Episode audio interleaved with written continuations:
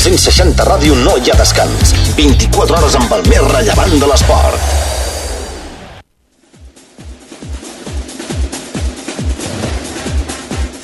Esport 360, futbol sense fronteres, amb Marc Vila i Enric Bajona.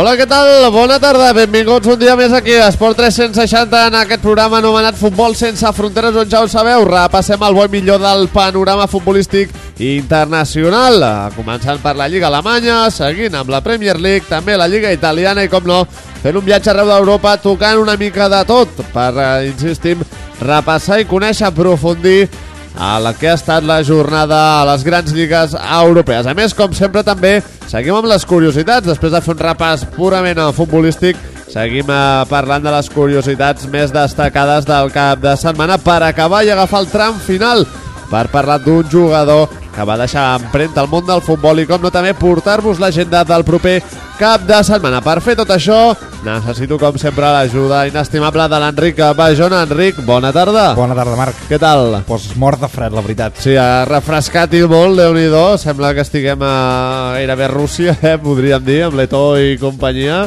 La veritat és que sí que fa molt de fred, però amb molt, moltes ganes, imagino, també de futbol, eh? Sí, Marc, i moltes sorpreses aquesta setmana. Doncs sí, i tant que sí. Per tant, no ens fem esperar més ja, eh? Ja donem pas a la Lliga Alemanya. Us donem la benvinguda a l'Enric Bajona i un servidor, Marc Vila, qui us està parlant. Aquí comença una nova edició del Futbol sense fronteres. Endavant!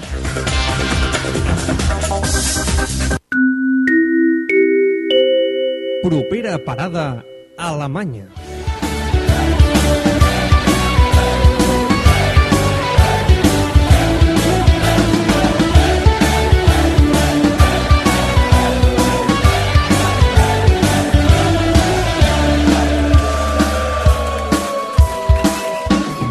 Vinga, va, comencem per la Bundesliga amb el repàs dels partits que van ser aquest cap de setmana els següents. Friburg 0, Eintracht 0, Bayern de Múnich 6, Werder Bremen 1, Stuttgart 1, Nuremberg 1, Hannover 96 5, Hamburg 1, Mainz 0, 5 1, Wolfsburg 1, Augsburg 2, Hoffenheim 1, Schalke 0, 4 2, Fortuna de Düsseldorf 1, empat a 1 entre el Borussia de Mönchengladbach i el Borussia de Dortmund i empat a 0 entre el Greuther Fürth i el Bayer Leverkusen. Enric, si et sembla, comencem amb aquest Bayern de Múnich que guanyava 6 a 1 al Werder Bremen. Sí, el Bayern va golejar el Werder Bremen per 6 a 1 amb 6 modificacions en la seva alineació respecte a l'equip que va derrotar dimarts passat a la Lliga Campions de l'Arsenal. En un partit en què l'espanyol Javier Martínez Marc va marcar el segon gol dels bavaresos, el seu primer amb el conjunt alemany.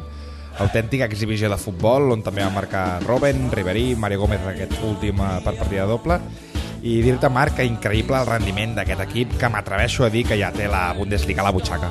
Home, jo també, eh? 17 puntets, eh, gairebé no té rivals eh, d'aquí a final de temporada que el puguin fer trontollar en aquest Bayern de Múnich. Enric, anem amb l'empat a 0 entre Leverkusen i Greuther Fürth, el QE que empatava contra el tercer Leverkusen. Sí, poca cosa a destacar en aquest partit, Marc. El Leverkusen va deixar escapar l'oportunitat de posar-se segon a l'empat a 0 a domicili del QE, el Greuther Fürth. Els de Sami Hipia no van poder aconseguir la seva segona victòria seguida i només retallen un punt a l'evolució de Dortmund. Per la seva banda, Marc, el conjunt de Fürth segueix QE del campionat amb només 13 punts. Doncs sí, eh? Haig de dir que se'n va de cap a segona. Home, eh, encara queda, però és que la salvació està als 27 punts de moment, està molt lluny del seu millor nivell. T'haig de dir que portem tots els programes parlant del Greuther Fürth com a, com Com a a de, no l'hem vist escalar cap posició de moment. Correcte, no, no, exacte, sí senyor. Eh? Doncs aquest Greuther Fürth que fa mala espina.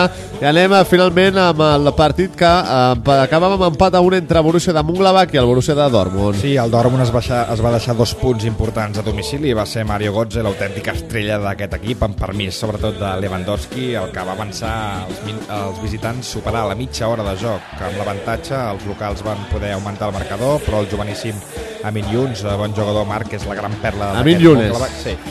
Uh, la gran perla d'aquest uh, equip uh, va aconseguir l'empat a mitjans de la segona meitat. Amb aquest empat el Mönchengladbach es manté desè amb 31 punts i el Dortmund uh, segon a 17 el primer classificat, aquest Bayern. Doncs sí, com bé dius, eh, el Bayern és eh, primer, repassem la taula, 60 punts pels de Jupp Heynckes, segon el Borussia amb eh, 17 eh, punts menys, 43, i tercera posició per Leverkusen, 42 puntets. En quarta posició l'Eintracht, 38, cinquè el Friburg amb 35 i l'Hamburg és sisè amb 34 tancant les places europees. El Schalke, el de Schalke 04 el tenim en la novena posició, per exemple, amb només 33 puntets. Uh, bé, uh, encara està una mica lluny la Champions per ells, però Europa a tocar amb només un puntet. I ja a la part baixa hi trobem a l'Augsburg, setzè, en zona de 118 puntets, de 17a posició pel Hoffenheim amb 16 punts i tanca la taula, com bé deia l'Enric, una jornada més al Groiderfurt amb 13 puntets. I va, a explicar ja la Lliga Alemanya, marxem cap a Itàlia perquè hi va haver-hi derbi, i va haver-hi grans partits a la Sèrie A. Propera parada, Itàlia.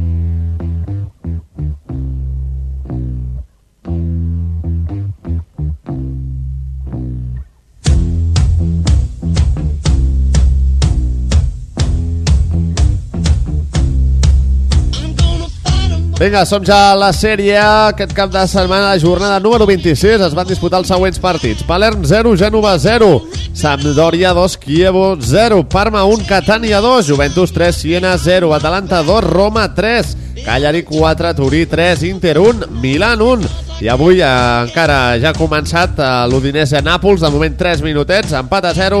A les 9 començarà el Lazio Pescara i demà serà el torn del Bologna-Fiorentina. Enric, si et sembla, però, comencem amb els partits jugats, eh? La Juventus, el líder d'aquesta sèrie A, que guanyava 3 a 0. Sí, la Juve va aconseguir mantenir el rumb fix al capdavant d'aquesta sèrie A en imposar-se per 3 a 0 al Siena en una jornada marcada, Marc, pel mal temps al nord d'Itàlia. El suïf Stefan Leinsteiner gran temporada d'aquest jugador. Doncs sí, Marc. molt, a molt bon nivell, eh, rendint, sens dubte. Està sonant fins i tot pel Bayern de Múnich, pel, pel Doncs possible eh, no, projecte no, em de... desa, no, no em desagrada, és un perfil eh, que podria ser perfectament Bayern de Múnich. Doncs sí, el gol de- d'aquest eh, jugador, de l'italià eh, Sebastian Jovinko i del francès eh, Paul Pogba van ser els encarregats de donar la victòria a la Juve.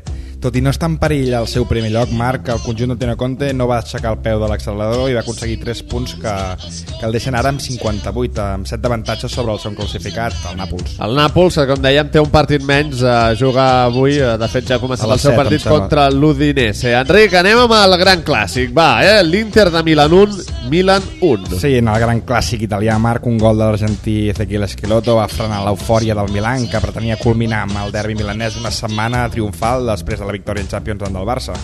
Conjunt de Massimiliano Allegri va fer el seu duel del Giuseppe Meazza durant gran part del partit, amb el vent a favor després del gol de, del Sharawi. Tot i això, Marc, el conjunt Eurozurro va reaccionar amb una excel·lent assistència de, de Nagatomo. Molt bé, eh, Nagatomo m'agrada molt. Cada dia m'agrada més, Marc. Doncs el japonès va rematar de cap a la, la centrada de, de... No, perdona. Esquiloto va rematar la, la centrada de, De Nagatomo, japonès, exacte. que havia entrat al camp pocs minuts eh, abans. Així doncs, Marc, repartiment de punts important, ja que els dos conjunts lluiten ara mateix per aquesta tercera posició. Correcte, i finalment analitzem l'Atalanta 2, Roma 3. Doncs sí, aquest partit va estar realment condicionat per la- per l'autèntica la, nevada que va caure a la primera meitat sobre la ciutat de Bèrgamo. La Roma, vuitè classificat, i l'Atalanta, que es troba a la part baixa de la taula, van haver d'enfrontar uh, un enemic comú a aquest mal temps, en un partit que va acabar amb 2 a 3 a favor dels romans. Importantíssima victòria d'una Roma que ja sembla haver eh, reaccionat després de- d'aquest canvi a la banqueta. Doncs sí, per fi, per fi ha reaccionat la setmana passada derrotant a la Juve aquesta setmana guanyant a l'Atalanta anem a repassar com està la taula de la Sèrie A encapçalada per la Juventus 58 punts, el Nàpols és segon amb un partit menys en joc i tercera posició al Milan amb 45 uh, punts també a l'Inter, un menys a la Lazio que recordem juga després a les 9, per tant la Lazio que podria guanyar i distanciar-se d'Inter i Milan. I la Fiorentina és sisena amb 42 punts, encara a prop també de les places europees. A la part baixa hi trobem el Gènova, 18a posició, 26 punts, 19è el Pescara, 21 puntets i tanca la Sèrie A el Palerm amb 20 punts i encara lluny de la zona noble de la taula. Bé, analitzada la Sèrie A, ara sí, Enric, ja marxem cap a la Premier, que ha vingut i molt carregada aquest cap de setmana. Propera parada, Anglaterra.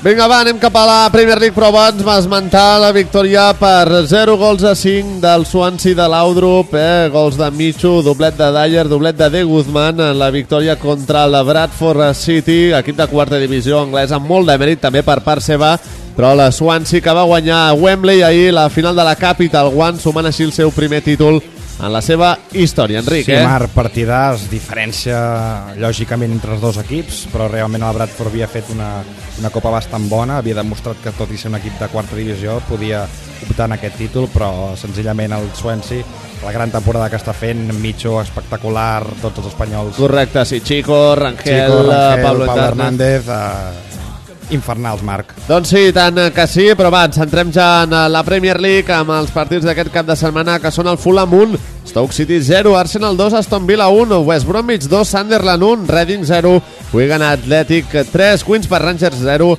el Manchester United 2, Norwich City 2, Everton 1, Newcastle 4, Southampton 2 i Manchester City 2, Chelsea 0. Avui a les 9 de la nit el West Ham Tottenham. Enric, comencem per la victòria del Real Madrid a la Champions, que guanyava 0-2 al camp del QPR, el Queens per Rangers.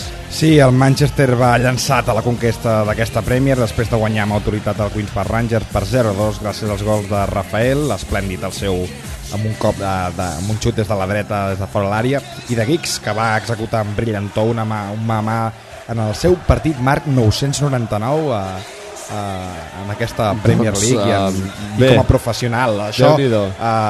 Uh, estudis uh, segons la BBC Bé, les estadístiques de la BBC mereixen també el Exacte. seu... Uh, bé, és una dada interessant, eh? Eh, amb Wayne Rooney a la banqueta i sense Phil Jones, habitual central titular, absent per lesió, els Reds van treure els 3 punts davant d'un rival gairebé sentenciat a perdre la categoria, Marc. El Doncs Manchester, sí, i el tant. Manchester segueix impecable en aquesta Premier League que gairebé ja la té a les mans. Bé, eh, encara li queda una mica, però sí que el té molt ben encarat. Anem amb el, eh, l'altre Manchester, el City, que guanyava 2 a 0 al Chelsea, eh? Sí, en el gran partit de la jornada anglesa, els gols de Liborià Touré i l'argentí Carlos Tevez a la segona part li van servir al City, el segon classificat d'aquesta Premier, per imposar-se per 2-0 al Chelsea, el segon ara mateix. Rafa Benítez va optar per deixar Torres a la banqueta d'inici i encarregar al senegalès Dembaba la tasca golejadora, del qual no va ser capaç de complir Marc. A Benítez va treure Torres a 10 minuts del final per intentar buscar una, una revolució, intentar capgirar el, el duel, però sense ja no, massa sort. Ja, ja no hi va ser temps. Doncs eh, bé, em quedo també amb l'aturada de penal eh, del penal de Hart. Eh? Hart va fer una aturada impressionant, espectacular. A Lampard, tot un parà de penals, que fa no masses dies li va aturar un penal a Ronaldinho, també. I, I realment, quan ho he vist, semblava que, que li hagués eh, dit escolta, te la tiraré per Sí, sí. l'esquerra, eh, Lluesta. per la dreta... Lluesta, nano, és tot teu, i tant. Bé, Enric, anem a repassar l'últim partit de la Premier, l'Arsenal 2, Aston Villa 1, eh? Sí, l'Arsenal va trobar alleujament en el talent de Santi Cazorla, l'espanyol que va encarregar la situació del conjunt londinenc davant l'Aston Villa. Als 6 minuts va treure de la dificultat el conjunt d'Arsene Wenger amb un altre gol a 5 minuts del final, després d'un centre de Montreal que va desfer la igualada de, dels villans. Uh, que havia, aquesta igualada havia sigut uh, feta per Andreas Weyman, a passada del belga Christian Benteke, Marc, un autèntic, uh, un autèntic jugadoràs que tant. Donarà, molt que parlar. Important victòria dels Gunners i decisiu Cazorla en aquest nou projecte de l'Arsenal. Doncs sí, uh, comença a estar també en el seu millor moment Cazorla, l'Arsenal en hores baixes però que agafa una mica d'aire. Anem a veure com està la Premier encapçalada pel Manchester United 68 punts, segon és el City amb 56, tercera posició pel Chelsea, són 49 punts els que té el conjunt de Rafa Benítez. El Tottenham juga avui és quart amb 48 punts i l'Arsenal cinquè 47. L'Everton, que perd pistonada i ja és sisè fora d'Europa amb 42 puntets. El Liverpool, vuitè amb 39, Swansea, novè amb 37 i ja anem cap a la part baixa on l'Aston Villa és 18è amb 24 punts, el Reading, que és 19è amb 23 punts i tanca la taula aquest Queens per Rangers de Granero, Julio César, entre d'altres, eh, que també fa olor a segona divisió. I ara, vinga, va, ens cordem els cinturons i anem a fer un repàs per arreu d'Europa amb les altres lligues. Som-hi! Propera parada, altres lligues.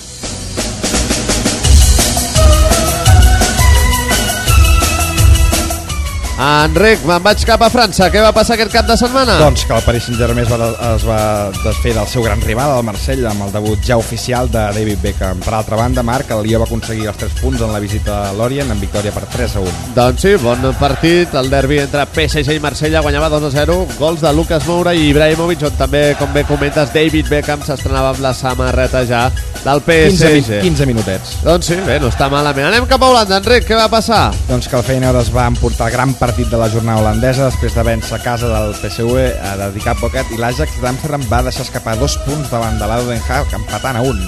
Una llàstima que no aprofitéssim l'ocasió els de Frank Deburi. I finalment, Enric, anem cap a Portugal, que també m'interessa. Doncs sí, el Benfica va aconseguir la victòria davant del Passos de Ferreira amb gols del trident sud-americà Cardozo, Cardozo Salvio Pérez, empatant a punts amb el líder, l'Oporto que no va fallar davant del Rio Ave.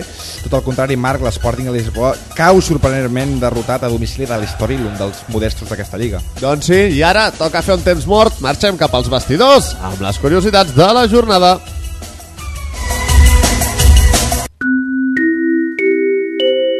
Propera parada Vestidors.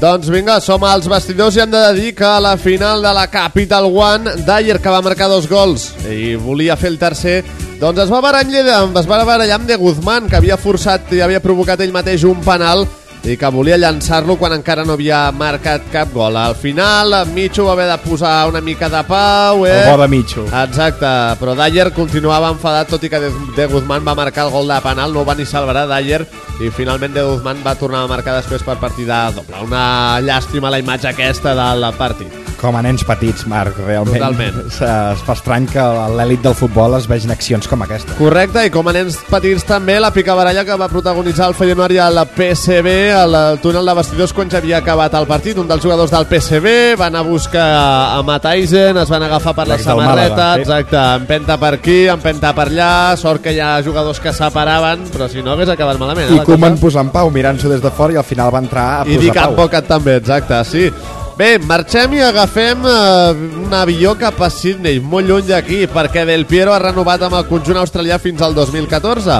Destí exòtic i no li va malament. Aquest sí que viu bé, tu deu aprofitar per fer surf i tot, Marc. Eh, Segur i tant que sí. I finalment, destacar l'ovació que li van realitzar els jugadors i certs aficionats a Toti en l'entrenament de dilluns passat perquè eh, va marcar el gol de la victòria contra la Juventus. Una ovació llarga d'aquelles i emotives que va provocar eh, llàgrimes fins i tot d'emoció a Toti. Eh? S'ho mereix, Marc, i no em vull ser exagerat, però jo crec que Francesco Totti ha sigut el jugador més important de la història de la Roma, pràcticament. Doncs eh, no files massa, no, no vas massa desencaminat, eh, Enric? La veritat és que Toti i el capitano l'Etern eh, sempre serà història d'aquesta Roma. I ara marxo a viatjar en el temps perquè toca fer història. Propera parada Fent Història. What would you do if I sang out of tune? Would you stand up and walk out on Doncs vinga, viatgem en el temps i avui us parlaré d'un home nascut a Dakar, Senegal, al 1976, migcampista, nacionalitzat francès i cada nom es diu Patrick Vieira, Enric. Un autèntic crac, realment als seus temps era el meu jugador preferit. Doncs- Doncs... T'ho haig de confessar, Marc, en aquell Arsenal amb el 4 darrere, amb el Barça de capità. Sí, senyor, una Vieira que va jugar la major part de la seva carrera a l'Arsenal i a l'Inter, eh? i a l'Inter de Milà. Físicament prodigiós, a Vieira se'l recordarà sempre per ser un autèntic pulmó al mig del camp, eh? com bé deies, el cervell necessari pel bon funcionament de l'equip i a més presumia d'un potent xut eh, des de fora de l'àrea i d'un gran, gran llançament de faltes. Vieira també va vestir la samarreta del Cans, del Milan, de la Juventus i del Manchester City, entre d'altres. En aquests equips no va, fer, no va ferir el mateix rendiment que, per exemple, a l'Arsenal o a l'Inter, clubs on va estar en el seu millor moment eh, de la seva carrera. Vaja, va guanyar diferents campionats nacionals, eh? Sèries A, amb l'Inter, FA Cups, Premiers Leagues amb l'Arsenal i Manchester City. Bé, el que no va tenir la sort de guanyar mai, saps què va ser, Enric? Si no ho dic malament, va ser la Champions League. Correcte, la signatura pendent de grans jugadors, eh? No va poder guanyar cap Champions League el bo de Patrick Vieira. Però d'altra banda, amb la selecció francesa va disputar 107 partits anotant 6 gols. Amb aquesta va guanyar el Mundial de Futbol l'any 98 a França, l'Eurocopa del 2000 a Bèlgica i Holanda i també va ser el combinat, el capità del combinat francès durant molts anys, quan Zinedine Zidane, després de la seva retirada, li va cedir doncs, els galons a la selecció francesa. Una Vieira que veiem eh, expert en el món del futbol. Eh? Eh, va ser el 14 de juliol del 2011 quan Vieira va anunciar la seva retirada del futbol professional després de múltiples lesions que el van apartar totalment dels terrenys de joc. Posteriorment, començaria una nova etapa en l'estaf tècnic del Manchester City.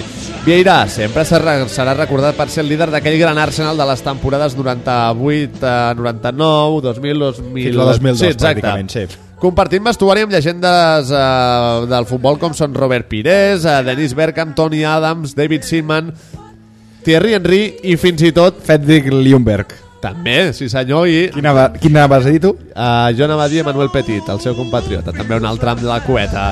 I finalment, com a curiositat, Enric, dir-te que Patrick Vieira va ser designat eh, ambaixador de la FAO degut al seu gran i constant compromís amb les causes solidàries. Què t'ha semblat? Doncs perfecte, Marc. Eh, eh, important recordar jugadors com aquests perquè a part del, de la seva labor com a futbolista no, ha sigut una persona sempre molt compromesa amb el món, no, amb les Correcte. causes solidàries i realment eh, jo el recordaré sempre l'Arsen, aquell capità al mig del camp.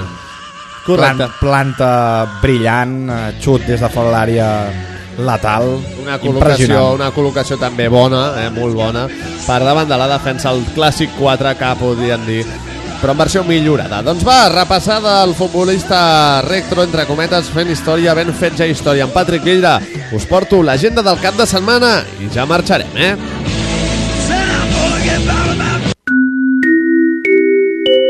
Propera parada, agenda.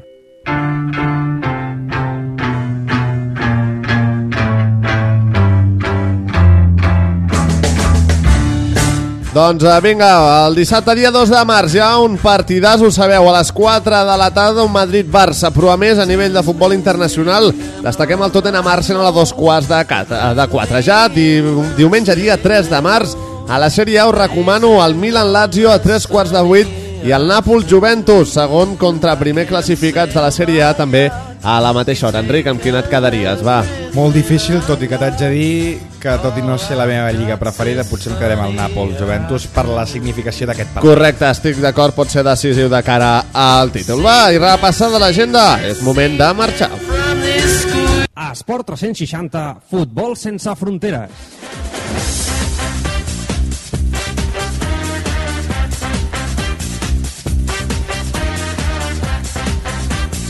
Doncs eh, bé, posem ja a punt i final una altra edició del Futbol Sense Fronteres. Enric Bajona, gràcies. Ens retrobem dilluns que ve. Que vegis molt de futbol, Copa del Rei, Internacional, tot el que se't posi pel Ple, eh? Champions, el que vulguis. Aquesta setmana hi ha de tot. I tant que sí. Doncs bé, finalment també s'acomiada de tots vosaltres a Marc Vila, qui us està parlant. Que tingueu molt bona setmana i us emplacem a que ens escolteu, com sempre, a Esport 360, dilluns que ve. Adéu-siau, una abraçada.